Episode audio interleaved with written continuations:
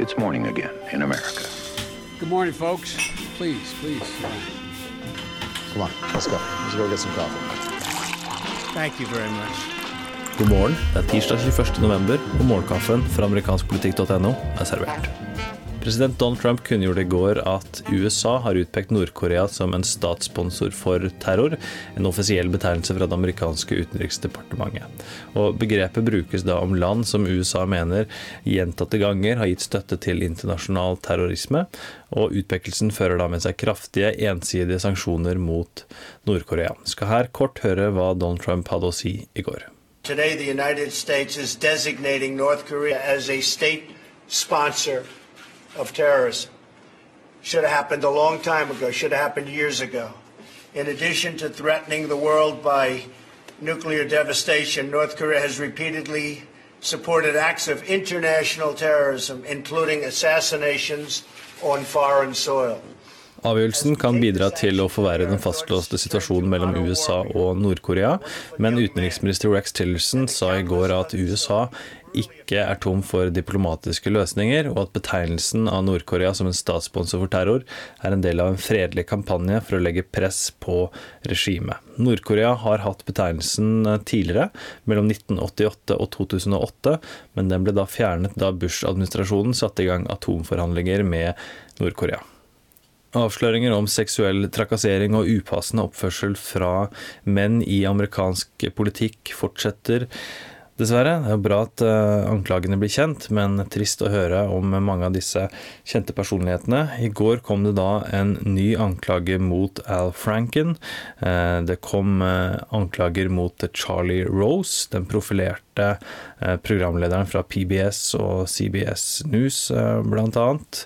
Um, så han har nå måttet trekke seg tilbake, og Charlie Rose Show um, er tatt av sendeplanen uh, fram til man finner ut mer om det her. I tillegg, Glenn Crush fra New York Times, tidligere Politico, er suspendert pga. En rekke ulike anklager om upassende oppførsel fra Crush mot unge eh, kvinner eh, i da hans tid i Politico.